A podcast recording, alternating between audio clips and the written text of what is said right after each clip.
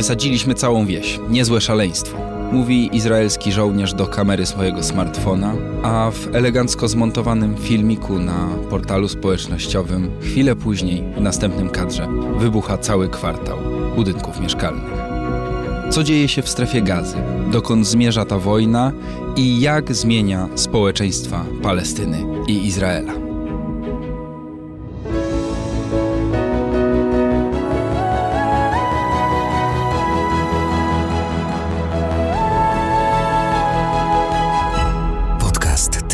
Powszechnego. Weź, słuchaj. Dzień dobry. Przy mikrofonie Krzysztof Story. Słuchacie podcastu Tygodnika Powszechnego. Przy drugim mikrofonie mój dzisiejszy gość Marek Matusiak, analityk Ośrodka Studiów Wschodnich i koordynator projektu Izrael Europa. Dzień dobry panu. Dzień dobry.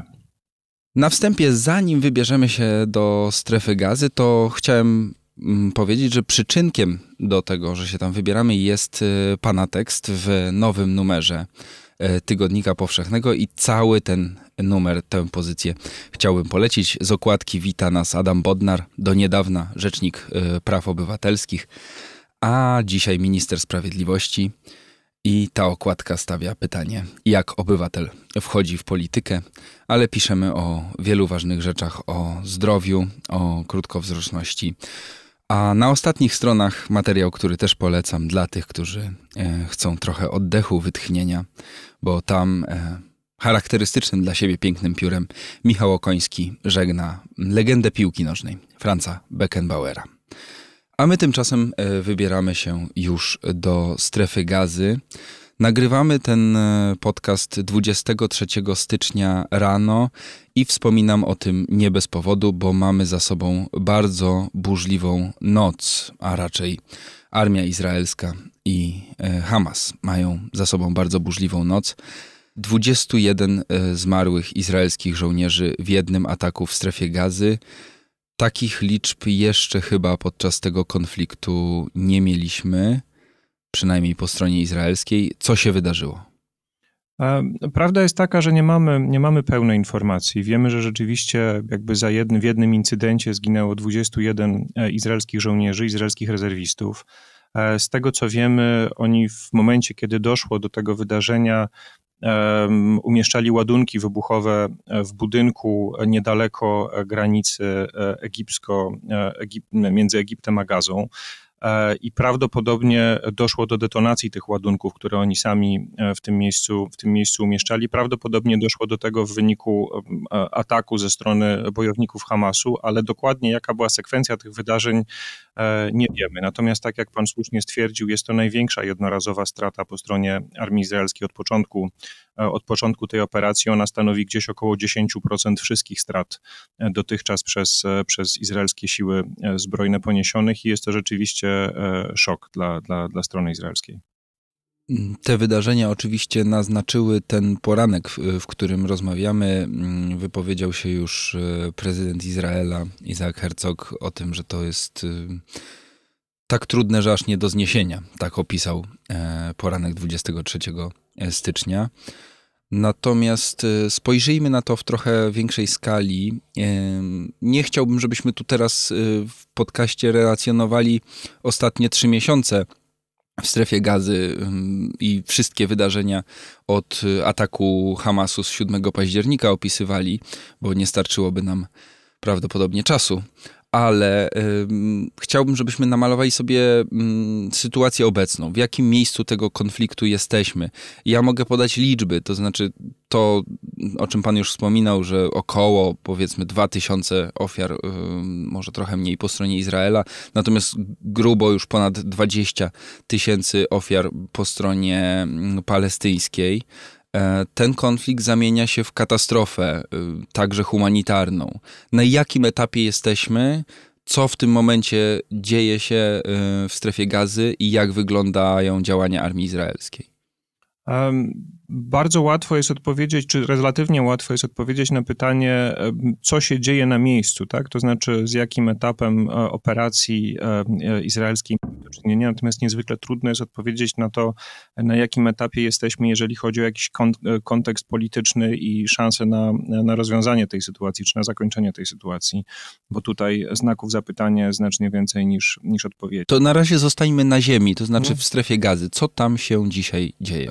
Trwa izraelska operacja e, lądowa i właściwie lądowo-powietrzna. Ona się przeniosła, czy punkt ciężkości tej operacji przeniósł się na południe e, strefy gazy. Północ, e, czyli ten obszar dookoła samego miasta Gaza, który w pierwszym etapie był, no tam się skoncentrowały działania izraelskie Stamtąd część jednostek izraelskich już została wyprowadzona. Izrael nie ma stuprocentowej kontroli nad tym obszarem, natomiast ma bardzo daleko posuniętą kontrolę i sam zdecydował, że, że tam już siły lądowe w takim zakresie jak wcześniej nie są potrzebne. Natomiast e, e, no, walki koncentrują się teraz dookoła miasta Han Yunus i także w tej, w tej strefie w której doszło do, do, do tego zdarzenia, o którym mówiliśmy na początku, czyli w tym takim pasie przygranicznym między, między strefą gazy a Egiptem. Tam te walki są niezwykle, niezwykle intensywne. To są i działania e, lądowe ze strony wojsk pancernych, piechoty, ale też e, lotnictwa.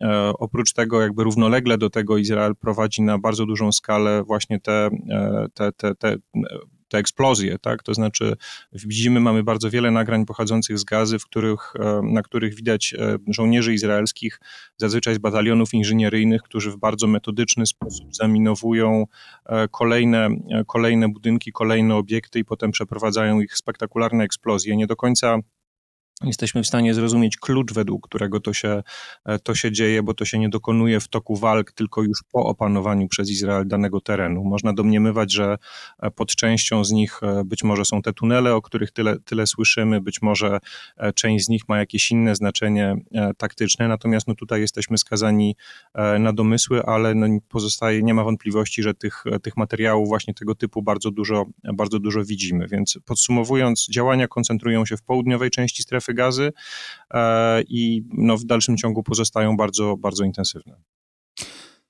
Tyle jeśli chodzi o ten poziom, powiedzmy, militarno-społeczny. Do tych obrazków żołnierzy właśnie wysadzających kolejne kwartały, bo to często całe kwartały zabudowy mieszkalnej w gazie wylatują w powietrze. Jeszcze wrócimy w naszej rozmowie. Natomiast y, zerknąłbym też y, na, tym, na ten poziom polityczny, bo tam też się sporo dzieje.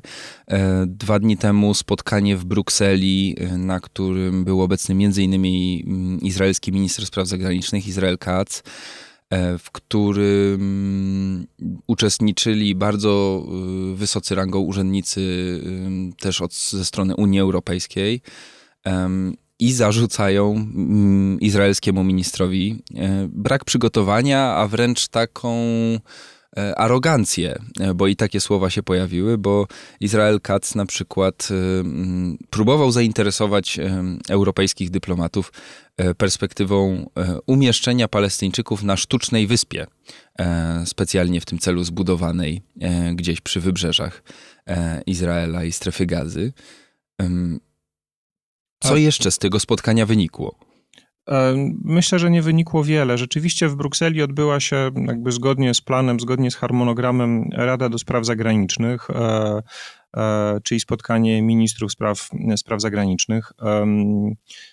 Na to spotkanie zostali oddzielnie zaproszeni przedstawiciele i Izraela, i Palestyny, i, i między innymi Jordanii, E, i Egiptu, e, ale jakby no spotykali się e, z, z, z, ze swoimi unijnymi kolegami osobno. To nie było jedno, jedno posiedzenie i rzeczywiście, tak jak pan mówi, niedawno minowany taki nowy, stary E, minister spraw zagranicznych Izrael, Izraela, Israel Katz, e, no, rzeczywiście poświęcił swój czas, czy spożytkował swój czas na pokazywanie jakichś takich materiałów wideo, takich wizualizacji. E, jedna dotyczyła przyszłego ewentualnego połączenia logistycznego z Indiami, druga właśnie tej sztucznej wyspy, o której pan mówił. No, wrażenie było takie, że rzeczywiście przedstawiciel Izraela unika rozmowy o, o przyszłości politycznej Palestyny, o możliwości rozwiązania tego konfliktu, czy w ogóle wizji rozwiązania tego konfliktu metodami politycznymi, a nie stricte militarnymi. E, I to jest, trzeba powiedzieć, jakby e, ścisłe czy, czy, czy zgodne z, z takim ogólnym obrazem, który widzimy. To znaczy, po stronie izraelskiej nie ma właściwie mowy o e, o, o jakiejś wizji do, do, do, politycznego rozwiązania tej sytuacji. O, nie mówi się, nie definiuje się politycznych celów tej operacji. Znaczy mówi się, że walczy, Izrael walczy o odzyskanie zakładników, Izrael walczy o likwidację Hamasu, o neutralizację zagrożeń, które by ze strony strefy gazy e, mogły wychodzić. Natomiast no, to są bardzo takie ogólne hasła, no, przynajmniej po, może poza, poza tą kwestią e, zakładników e, i właściwie tego się w żaden sposób nie operacjonalizuje, to znaczy jakimi drogami poza ściśle militarnymi Izrael chciałby ten, te, te, te cele osiągnąć. I to wystąpienie ministra Kaca w Brukseli było właśnie z tym, z tym, z tym zgodne. Raczej jest to raczej unikanie rozmowy, unikanie jakichkolwiek deklaracji i, i, myślę, że to tylko jakby budzi dodatkowy, dodatkowy niepokój, że poza odpowiedzią stricte militarną, poza metodami stricte militarnymi właściwie nie wiemy, e, w, w, w którą stronę to wszystko, to wszystko zmierza. Podoba Ci się nasz podcast? Dołącz do patronów i patronek podcastu Tygodnika Powszechnego na patronite.pl. A jak wygląda sytuacja wewnętrzna i nastroje społeczne w samym Izraelu? Bo zakładnicy są taką niezagojoną raną na pewno tutaj, bo Hamas do dzisiaj przetrzymuje ponad setkę e, zakładników z Izraela.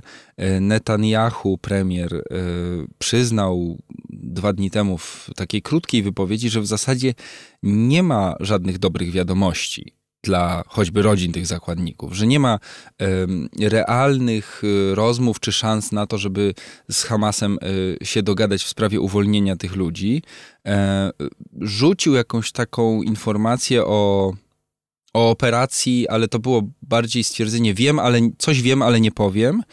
E, pytanie, jak na to reaguje społeczeństwo izraelskie, na tą przedłużającą się operację militarną, bardzo okrutną, e, gdzie liczba ofiar e, dzisiaj, najnowsze dane, jakie, jakie mamy, to jest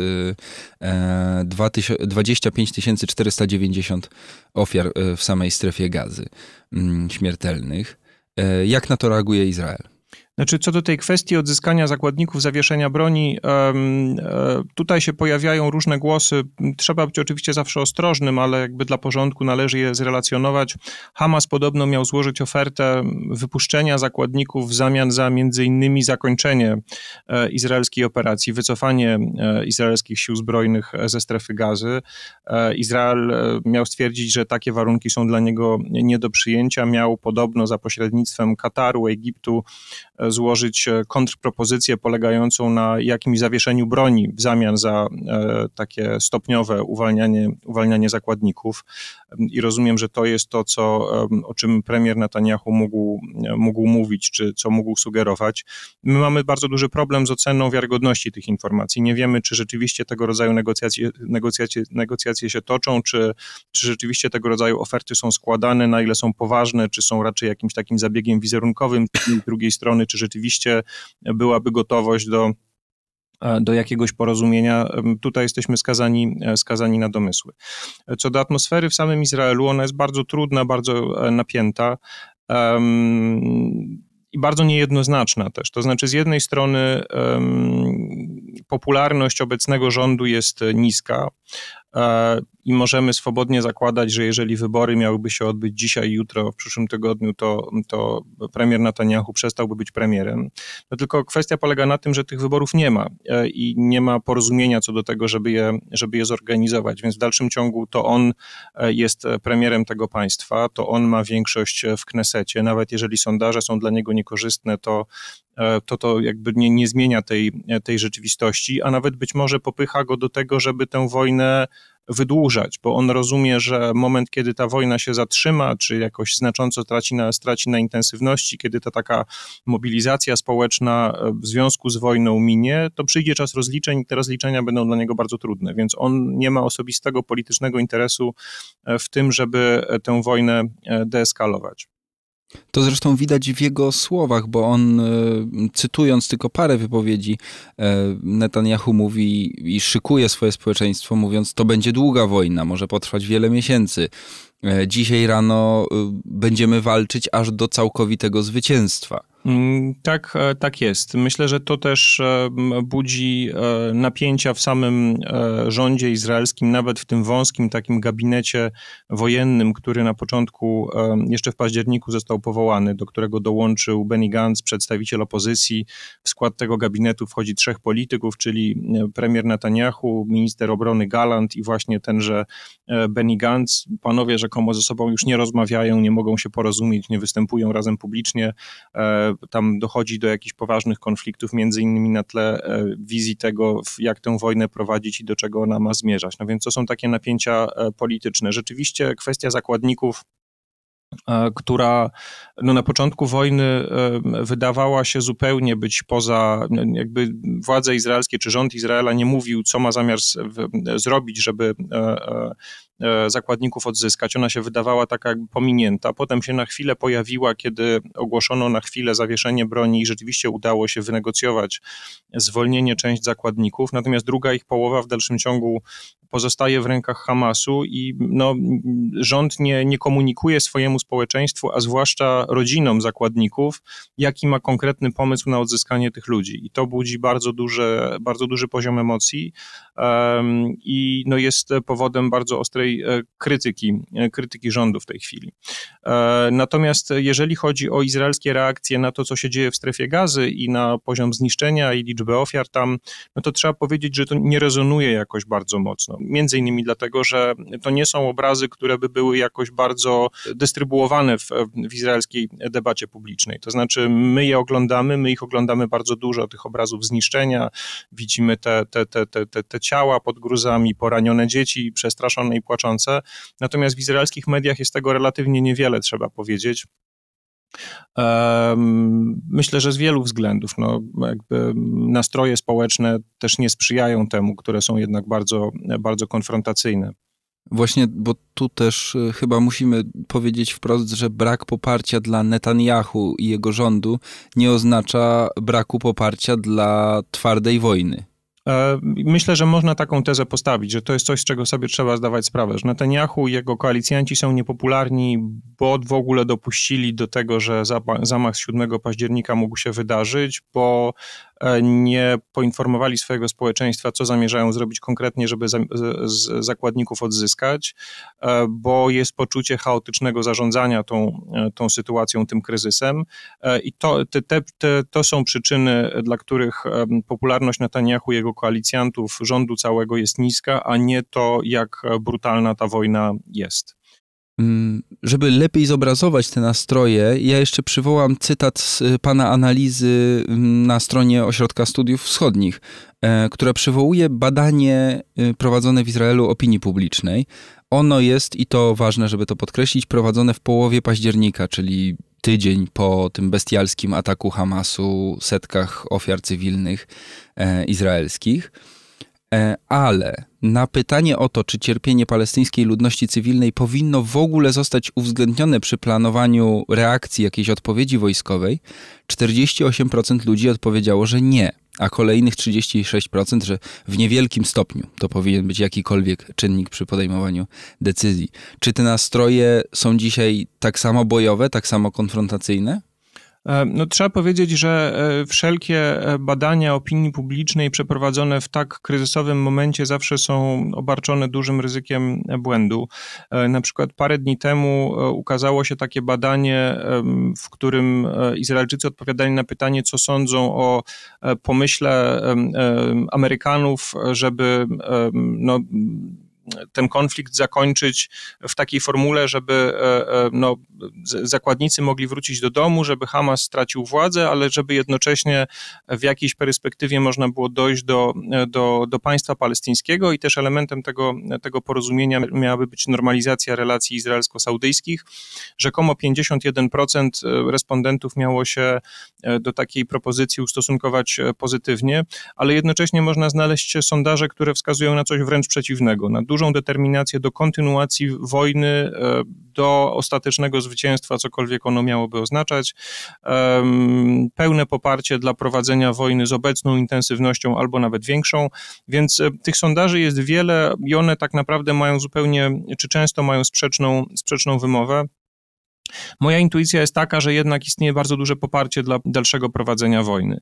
E, I nawet takie sytuacje jak ta z dzisiejszego poranka, kiedy Izraelczycy obudzili się i przeczytali, że właśnie 21 żołnierzy zginęło, wydaje mi się, że raczej utwierdzą e, społeczeństwo izraelskie w determinacji do kontynuowania wysiłku wojennego, niż będą skłaniały je do, e, do myśli o, o zawieszeniu broni i o przejściu do jakichś no, politycznych, politycznych metod. Więc jakkolwiek ten obraz nie jest jednoznaczny, i można tak naprawdę znaleźć sondaże pozwalające bronić różnych tez w tej sprawie, no to moja intuicja jest taka, że, że jednak w dalszym ciągu poparcie dla, dla działań wojennych jest bardzo wysokie i to prowadzonych takimi metodami jak dotąd. Tutaj wrócimy do tekstu, który czeka na Was w nowym numerze tygodnika. On w papierze ma tytuł Na rokową nutę bo odnosi się to do podkładów muzycznych pod y, pięknie zmontowane filmiki w mediach społecznościowych, bo to właśnie tam się sięga e, pan e, i obserwuje, co izraelscy żołnierze wrzucają do sieci. E, no i tutaj można znaleźć dużo argumentów za potwierdzeniem takiej tezy, że, że to nie jest tak, że wojnę wymyślił sobie Netanyahu, bo potrzebował wroga, albo izraelscy politycy, albo Hamas, ale że ta właśnie te konfrontacyjne nastroje w Izraelu są realne, no bo też na tych filmikach, żebyśmy zrozumieli, bardzo często nie są zawodowi żołnierze, tylko powołani rezerwiści. E, można ich traktować jako duży element znaczący izraelskiego społeczeństwa i tam e, w tych przekazach bardzo dużo znalazł pan y, filmików, które opisuje pan w tekście izraelskich żołnierzy, którzy no, z radością, z dumą, z poczuciem misji y, wysadzają po prostu strefę gazy metodycznie kawałek po kawałku. Argumentem za taką demolką ma być to, że pod prawie każdym budynkiem w strefie gazy rozciąga się, i to jest zwrot powtarzany przez wszystkie media na świecie, podziemne miasto Hamasu. Y, czy my mamy dowody na to, że te cele są faktycznie uzasadnione? Na ile transparentnie działa tutaj armia izraelska? Bo pojawia się też dużo zarzutów o tym, że ta operacja jest celowo tak brutalna, że ona, że ta liczba ofiar jest celowo zawyżana e, po to, żeby właśnie podbić stawkę. Gdzie tu odnaleźć jakąś prawdę, jakiś mhm. balans między tymi dwoma stanowiskami? Prawda jest taka, że e, jesteśmy skazani na, na domysły, na intuicje, na informacje cząstkowe, bo e, no, nie mamy dostępu do, e, do, do tego, co wie armia izraelska. Nikt nas nie poinformuje, dlaczego taki czy inny obiekt jest niszczony. Skala tej operacji jest taka, że tych ataków, zaatakowanych celów jest kilkadziesiąt tysięcy już w tej chwili. Więc mówimy o tak naprawdę kilkudziesięciu tysiącach oddzielnych przypadków.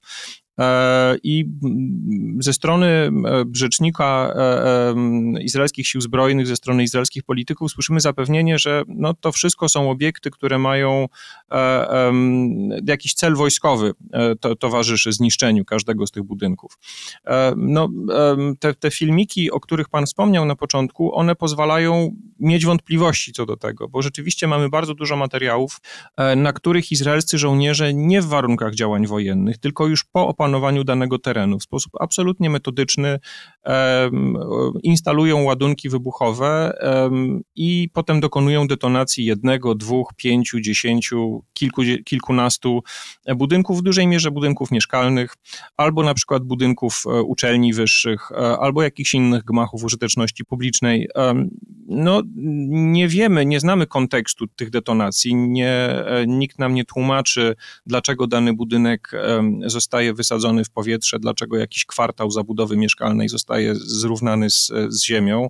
No, można oczywiście przyjąć na wiarę zapewnienie rzecznika izraelskich sił zbrojnych, że za wszystkim tym stoi jakaś myśl wojskowa i to wszystko jest legalne w świetle prawa konfliktów zbrojnych, no ale to jednak wymaga dużego właśnie takiego aktu, aktu wiary, bo, no bo E, rzeczywiście skala tej, tej destrukcji i metodyczność nie wskazuje na to, że to, są, że to za każdym razem konieczność wojskowa temu, e, temu, temu towarzyszy. Ale tak jak mówię, no to jest, e, poruszamy się w sferze domysłów, bo tak naprawdę jedyną stroną, która posiada pełnię, pełnię wiedzy, dla, dlaczego coś jest niszczone i jaki cel temu towarzyszy, to jest strona atakująca, to jest strona izraelska. My tych informacji nie mamy. To nie wszystko, co dla Ciebie mamy. Kup Tygodnik Powszechny na stronie tygodnikpowszechny.pl i sprawdź swoją zniżkę z kodem podcast.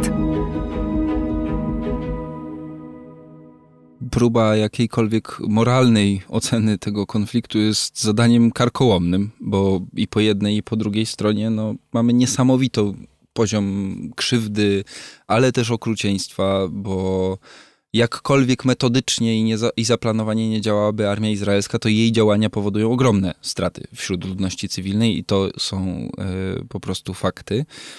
Y, natomiast y, ja bym chciał spojrzeć trochę w przyszłość, bo to, co się dzisiaj dzieje w strefie gazy, to jest jakby krajobraz absolutnego zniszczenia. Natomiast czy jest gdziekolwiek w Izraelu, w Palestynie, w społeczności międzynarodowej jakaś alternatywa. E, podczas tego spotkania w Brukseli e, wielu ministrów spraw zagranicznych, wielu przywódców e, odwoływało się dalej do idei dwóch państw, do istniejącego w pokoju obok siebie istniejących Palestyny i Izraela. Wydaje się to przy obecnym poziomie napięcia, szczerze mówiąc, mało realny, ale tak samo mało realna wydaje się sztuczna wyspa proponowana przez Izraela Kaca. Czy ktokolwiek ma dzisiaj jakąś realną propozycję na to, jak ten region poukładać? Mm, szczerze mówiąc, ja takiej propozycji nie słyszałem. E, tak jak pan mówi, paradygmat e, dwupaństwowy w dalszym ciągu jest takim no, domyślnym, do, domyślną wizją rozwiązania tego, tego konfliktu. No tylko, że rzeczywiście ta, ta wizja coraz mniej ma, w moim przekonaniu przynajmniej, wspólnego z rzeczywistością. Już wcześniej, zanim doszło do ataku Hamasu, no, obecny rząd, który w Izraelu istnieje, on wygrał wybory czy ta koalicja e, rządowa wygrała wybory ponad rok temu e, i to jest rząd, który właściwie w takim swoim manifestie politycznym miał zapisane, że wyłącznie naród żydowski posiada prawo do suwerenności na obszarze między rzeką Jordan a, a Morzem Śródziemnym. Oczywiście można powiedzieć, że to jest rząd najbardziej prawicowy w historii Izraela i rzeczywiście tak jest. To jest dosyć wyjątkowa na tle dotychczasowej historii tego państwa konstelacja polityczna. E, natomiast trzeba powiedzieć, że ludzie, którzy tak sądzą, albo sądzą podobnie, albo mm, podobnie myślą, ale niekoniecznie to wyrażają, są też poza tą koalicją. Są w opozycji do obecnego rządu Netanyahu, są partie prawicowe, które myślą w tej sprawie bardzo, bardzo podobnie, więc nawet jeżeli uznamy, że obecny rząd izraelski to jest tylko część e, e, izraelskiego spektrum politycznego, co jest prawdą, to trzeba powiedzieć, że w tej akurat sprawie podobnie myślący ludzie są też poza izraelskim rządem i są w opozycji do, e, do izraelskiego rządu, a to jest rzeczywistość polityczna sprzed, sprzed ataku. Więc no już, już wcześniej wydawało się, że ta wizja państwa palestyńskiego no jest czymś bardzo iluzorycznym, że na przykład po stronie izraelskiej, która jest oczywiście tylko jedną z dwóch stron tego, tego konfliktu, konfliktu, ale jest jednak stroną bardziej skonsolidowaną, bardziej sprawczą, silniejszą, prawda? To jest państwo z prawdziwego zdarzenia, z armią, z, e, e, z, e, z silną pozycją międzynarodową, ze wsparciem Stanów Zjednoczonych, że, że po tej stronie tak naprawdę gotowość do przyjęcia do wiadomości, że mogłoby powstać takie państwo z prawdziwego zdarzenia, z prawdziwą suwerennością palestyńskie, no to było, no, jakby już nie, nie mieściło się w granicach tego, co, co, co było możliwe. Teraz oczywiście po tym, co się zdarzyło 7 października, października, to jest jeszcze mniej prawdopodobne. choćby dlatego, że Izraelczycy tylko utwierdzili się w przekonaniu, że oni nie mogą odpuścić kontroli. To znaczy, że w moment, kiedy oni nie kontrolują, nie mają realnego wpływu albo możliwości natychmiastowej interwencji na terytoriach, które ich otaczają, no kończy się tym, co się wydarzyło 7 października. Więc e, przekonanie izraelskiego społeczeństwa do tego, że oni powinni zaryzykować, powinni pójść e, na, na, na, taki scenariusz, gdzie Palestyńczycy mogliby się sami rządzić zaraz obok, e, obok Izraela, e, wydaje mi się strasznie, strasznie, trudną, strasznie trudną sprawą. Więc ta wizja dwóch państw dla dwóch narodów, ona w dalszym ciągu pozostaje żywa w retoryce politycznej jakby no, co chwilę ktoś dochodzi do konkluzji, że inaczej się nie da, natomiast mnie bardzo trudno sobie wyobrazić realizację tego scenariusza. A innym scenariuszem jest, rozumiem, przeciągająca się jątrząca wojna wojna. Tego się obawiam. Izraelczycy, kiedy e, wydarzył się 7 października, jakby no dosyć zgodnie mówili, że e, ten, ten problem gazy, problem Hamasu w gazie, nie można go traktować na zasadzie no, takiego bieżącego zarządzania problemem. To znaczy, że tego problemu się trzeba pozbyć raz na zawsze, e, bo to trochę była strategia, jaką kolejne izraelskie rządy stosowały, to znaczy jakby pewnego ograniczania ryzyk, które ze strony strefy gazy i ze strony Hamasu mogą w kierunku Izraela nadejść, natomiast bez, bez jakiegoś pomysłu na trwałe rozwiązanie tego, e, tego konfliktu. I na początku, kiedy, kiedy się zamach 7 października wydarzył, no to dosyć zgodnie mówiono, to już więcej tak być nie może. My tu musimy zrobić coś coś zasadniczo innego. Natomiast obawiam się, że to, co w ostatecznym rozrachunku wyjdzie, to będzie więcej tego samego, co wcześniej. To znaczy jeszcze więcej e, środków bezpieczeństwa, strefa buforowa, jeszcze wyższe płoty, jeszcze bardziej zaawansowane systemy ostrzegania, jeszcze więcej działań zbrojnych, być może trwała obecność izraelskich sił zbrojnych na terenie strefy gazy albo na jakieś takie możliwość natychmiastowej interwencji. No i to, to wszystko nie nastraja optymistycznie. To, to wszystko jakby skłania w kierunku takiej wizji no właśnie bardzo takiego, takiego, takiej sytuacji, która się opiera wyłącznie na środkach twardego bezpieczeństwa, gdzie nie ma absolutnie pomysłu, jak to, jak to, politycznie, jak to politycznie rozładować, co de facto będzie tym samym, co wcześniej, tylko na jeszcze większym, z jeszcze większym poziomem brutalności. Pytanie też, e, zajrzyjmy na drugą stronę, czy Palestyńczycy mają jakąś alternatywę dla Hamasu? chociażby, bo ciężko patrząc na to, czym się skończył y, i kończy atak z 7 października, ciężko rozpatrywać Hamas w roli obrońcy interesu i życia Palestyńczyków. Y, natomiast y, czy jest jakaś alternatywa? Bo też ja mam wrażenie i tu bym chciał potwierdzić, że powrotu do takiego status quo sprzed 7 października ten powrót jest nie do końca możliwy w sytuacji, w której znacząca część strefy gazy to są po prostu gruzy. Tak, na pewno tak jest. I, I, na pewno w, w establishmencie politycznym izraelskim co chwilę pojawiają się takie pomysły, żeby no żeby ludzi po prostu stamtąd usunąć. To znaczy, żeby problem Hamasu usunąć razem z ludnością, wśród której ten problem się zrodził. Istnieją e, jakby nie, niektórzy mówią, że właśnie ten, ten bardzo duży poziom zniszczeń, który armia izraelska w Gazie po, powoduje, jest w jakimś sensie związany z taką zdążeniem do tego, żeby rzeczywiście Gazę przynajmniej w części ogołocić z ludzi i w ten sposób pozbyć, pozbyć się problemu. No na pewno przy, przy, w sytuacji, kiedy kilkadziesiąt e, procent budynków, przynajmniej w północnej Gazie jest zniszczonych, nie nadaje się do zamieszkania, oprócz budynków budynków mieszkalnych zniszczono, tak jak mówiłem, budynki użyteczności publicznej, centra kultury, uczelnie, szpitale i tak dalej. No, trudno sobie wyobrazić, żeby tam mogło wrócić życie, a chyba nie ma przynajmniej bez jakiegoś wielkiego takiego dealu politycznego, myślę, że ciężko będzie znaleźć chętnych na finansowanie odbudowy gazy. Więc e, z pewnością jest tak, że że e, do prostego powrotu do, do, do, do, do tego, jak Gaza wyglądała wcześniej, e, nie ma. Myślę, że też Izraelczycy nie dopuszczą do tego, żeby Gaza była, miała taką ciągłość terytorialną, bo tym różniła się Gaza od zachodniego brzegu, że była terytorium bardzo małym, ale które jakby było zarządzane przez jeden ośrodek polityczny, czyli przez Hamas. Natomiast jeżeli popatrzymy na zachodni brzeg, czyli tam, gdzie jest autonomia palestyńska, to to są takie małe, małe wyspy, takie małe enklawy palestyńskie, pomiędzy którymi jest izraelska obecność obecność wojskowa i przemieszczanie się między tymi enklawami wymaga przejeżdżania przez najrozmaitsze punkty kontrolne i tak dalej, i tak. No, czyli jakby Palestyńczycy przemieszczając się między tym, co, co jest pod kontrolą autonomii palestyńskiej, tak naprawdę są poddani izraelskiej kontroli. Myślę, że to w, tak, w jakimś zakresie też będzie rzeczywistością strefy gazy. Znaczy zdziwiłbym się, gdyby Izraelczycy dopuścili do tego, że, że strefa gazy pozostanie, pozostanie jedną całością.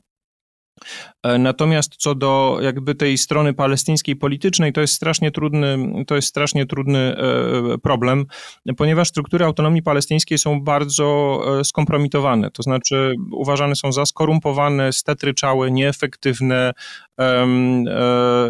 jakby takie no, uzależnione od Izraela i wysługujące się Izraelowi w, jakimś, w jakiś sposób, będące takim podwykonawcą izraelskiej, izraelskiej okupacji. W związku z tym one no, nie, nie cieszą się poparciem e, ludności palestyńskiej, nie mają prestiżu, nie mają wiarygodności więc trudno bardzo sobie wyobrazić, żeby to one mogły e, e, być taką wiarygodną e, palestyńską reprezentacją polityczną. Hamas, pomimo tego, co zrobił 7 października, a być może w niektórych przypadkach, ponieważ zrobił to, co zrobił 7 października, no bardzo wzrósł w oczach Palestyńczyków. No jednak zaprezentował się jako siła, która jest zdolna w sposób niezwykle bolesny tego izraelskiego przeciwnika ugodzić. I nawet pomimo tej odpowiedzi izraelskiej, która jest niezwykle brutalna, no to w, w dalszym ciągu Hamas e, jawi się przynajmniej w odróżnieniu od autonomii palestyńskiej jako siła sprawcza, siła, która coś może, jako no, regularna taka mała palestyńska armia, która stawia opór e, e, Izraelowi. I tak naprawdę popularność Hamasu trzeba przyznać wzrosła po tym, po tym co się stało 7 października i zwłaszcza teraz w obliczu izraelskiej odpowiedzi szukanie politycznego rozwiązania tej sytuacji oczywiście wymagałoby tego, żeby pojawił się ktoś inny, to znaczy, żeby pojawiło się jakieś wiarygodne przywództwo po stronie, po stronie palestyńskiej. Jego w tej chwili nie ma. Pojawiają się takie pomysły, że w izraelskich więzieniach siedzi, siedzą e, e, przywódcy aresztowani przez Izrael, którzy może gdyby ich wypuścić, to, to dawaliby nadzieję na to, że to oni no, będą tym wiarygodnym nowym przywództwem albo na emigracji, może ktoś z emigracji, natomiast no, to są bardzo takie teoretyczne spekulacje. Rzeczywistość taka, no tam w tym regionie, czy na ziemi, jak to się mówi, to taka kalka z angielskiego, e, jest taka, że mamy skompromitowaną autonomię palestyńską, e, i bardzo wiele grup zbrojnych, spośród których Hamas w tej chwili no, ma najwięcej publicity i no, w jakimś sensie też pokazał się jako siła, która potrafi no, która jest sprawcza. Cokolwiek o tym sprawstwie my myślimy. I ostatnie pytanie też będzie o sprawczości. Na ile sprawcza jest tutaj społeczność międzynarodowa? To jest taka etykietka, którą przyklejamy często nie zastanawiając się, co ona znaczy, ale no tutaj takimi aktorami zewnętrznymi no na pewno są Stany Zjednoczone, na pewno jest e, Arabia Saudyjska, na pewno jest Iran, no, który znany jest z tego, że od lat wspiera i finansuje Hamas, na ile ta społeczność międzynarodowa coś tutaj może doprowadzić do deeskalacji? Takim ostatnim akcentem najnowszym jest to, że Republika Południowej Afryki złożyła do Trybunału w Hadze skargę przeciwko Izraelowi, y, żądając zbadania zbrodni wojennych armii izraelskiej. I te takie dążenia, apele różne o deeskalację płyną z wielu stron. Na ile to ma szansę być skuteczne? Na ile Izrael e, ugnie się pod takim naciskiem? Myślę, że zacząć należy od tego, że społeczność międzynarodowa to jest takie określenie, które właściwie nie wiadomo co znaczy. Zazwyczaj tak intuicyjnie rozumiemy przez to Unię Europejską, Stany Zjednoczone, ONZ, parę jeszcze państw, które uznajemy za taki globalny Zachód czy globalną północ no, które kolektywnie tutaj miałyby jakoś oddziaływać na, na, na, na, tę sytuację i może jakoś doprowadzić do jej zakończenia. No, moim zdaniem nie ma czegoś takiego w tej sytuacji jak, e, jak społeczność międzynarodowa, a w każdym razie nie, nie ma ona tutaj wielkiego znaczenia. Są poszczególne państwa, które, e, które są w tym kontekście e, istotne i na pewno Stany Zjednoczone są pierwszym z nich. Stany Zjednoczone od pierwszego dnia tej, te, tego, te, najpierw w dniu zamachu, no i potem przez cały ten okres, który od tego momentu upłynął, udzielają Izraelowi bardzo jednoznacznego wsparcia, wsparcia politycznego, dyplomatycznego, militarnego. To Stany Zjednoczone myślę, że mają e, dużą zasługę, jeżeli chodzi o no, zapobieżenie rozprzestrzenianiu się tego konfliktu. Znaczy takie bardzo szybkie przerzucenie przez Stany Zjednoczone bardzo istotnych sił wojskowych w tamten region na pewno e, ochłodziło e, temperaturę i, i, i myślę, że tak jak mówię, zapobiegło, zapobiegło eskalacji czy jeszcze większej eskalacji niż ta, którą widzimy. Na pewno Stany Zjednoczone dostarczają Izraelowi broni, między innymi amunicji w dużych, w dużych ilościach. No i Stany Zjednoczone na pewno nie są zadowolone z tego, co, co się dzieje. To znaczy na pewno dla, też dla popularności Joe Bidena, dla jego jakby takiej pozycji międzynarodowej, dla jego nawet e, pozycji we, wewnętrznej w kontekście zbliżających się wyborów, lepiej by było, żeby to, ten konflikt w gazie się zakończył e, albo zmierzał ku końcowi i żeby widać było na horyzoncie horyzoncie jakieś polityczne rozwiązanie tej sytuacji. E, no to nie ma miejsca i wydaje mi się, że to też pokazuje ograniczenia, jeżeli chodzi o amerykańską możliwość e, wpływania na, na Izrael, bo Jakkolwiek oczywiście jest tu ogromna dysproporcja potencjałów.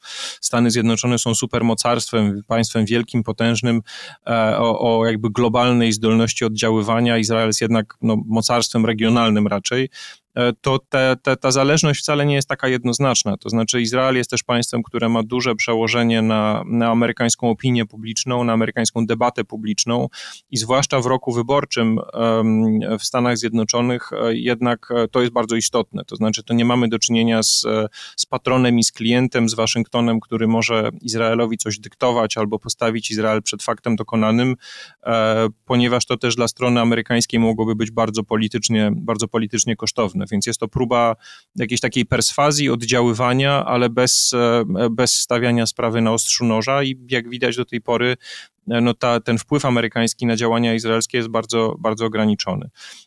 Jeżeli chodzi nie wiem, o Unię Europejską, no to wydaje się też, że tutaj Unia Europejska ma bardzo niewiele, e, niewiele wpływu i, i takie inicjatywy, które, które Unia Europejska podejmowała czy podejmuje, no, też e, no, nie, nie, nie mogą doprowadzić do, do zatrzymania e, działań zbrojnych tam na miejscu. Izrael dosyć otwarcie mówi, że nic ich nie powstrzyma, dopóki oni nie zrealizują tych celów, które sami sobie postawili. My nie do końca rozumiemy, co to są za cele, ale no, ta deklaracja jest bardzo, bardzo jednoznaczna jednoznaczna po stronie, po stronie izraelskiej. Będziemy to dalej obserwować. E, społeczność międzynarodowa, mm, jakkolwiek e, zaniepokojona, po raz kolejny okazuje się po prostu nie być wszechwładna, nawet Stany Zjednoczone e, w takim kontekście nie mogą nic nakazać, mogą apelować, straszyć, zapewniać bezpieczeństwo jednemu z najważniejszych szlaków wodnych na świecie, co teraz robią i po ten wątek historii, który tutaj trochę ominęliśmy, ale zrobiliśmy to umyślnie, e, czyli po wątek e, partyzantów Huti e, z Jemenu, którzy atakują statki płynące w stronę kanału Su Sueskiego przez cieśninę Babel Mandeb. Po ten wątek zapraszam do podcastu Jagielski Story, gdzie rozmawiam z Wojtkiem Jagielskim e, właśnie o Jemenie, o partyzantach i statkach. A w tym odcinku podcastu Tygodnika Powszechnego to już wszystko. E, moim i waszym gościem był Marek Matusiak, analityk Ośrodka Studiów Wschodnich. Dziękuję bardzo za rozmowę. Bardzo dziękuję. Zapraszam do e, czytania Tygodnika Powszechnego, tak w wersji papierowej, jak i na stronie tygodnikpowszechny.pl i do słuchania kolejnych odcinków podcastu. Ja nazywam się Krzysztof Story i żegnam się z Państwem i mówię do usłyszenia. Dziękujemy za wysłuchanie podcastu. Poznaj też moc czytania na tygodnikpowszechny.pl. Czytaj i rośnij z nami.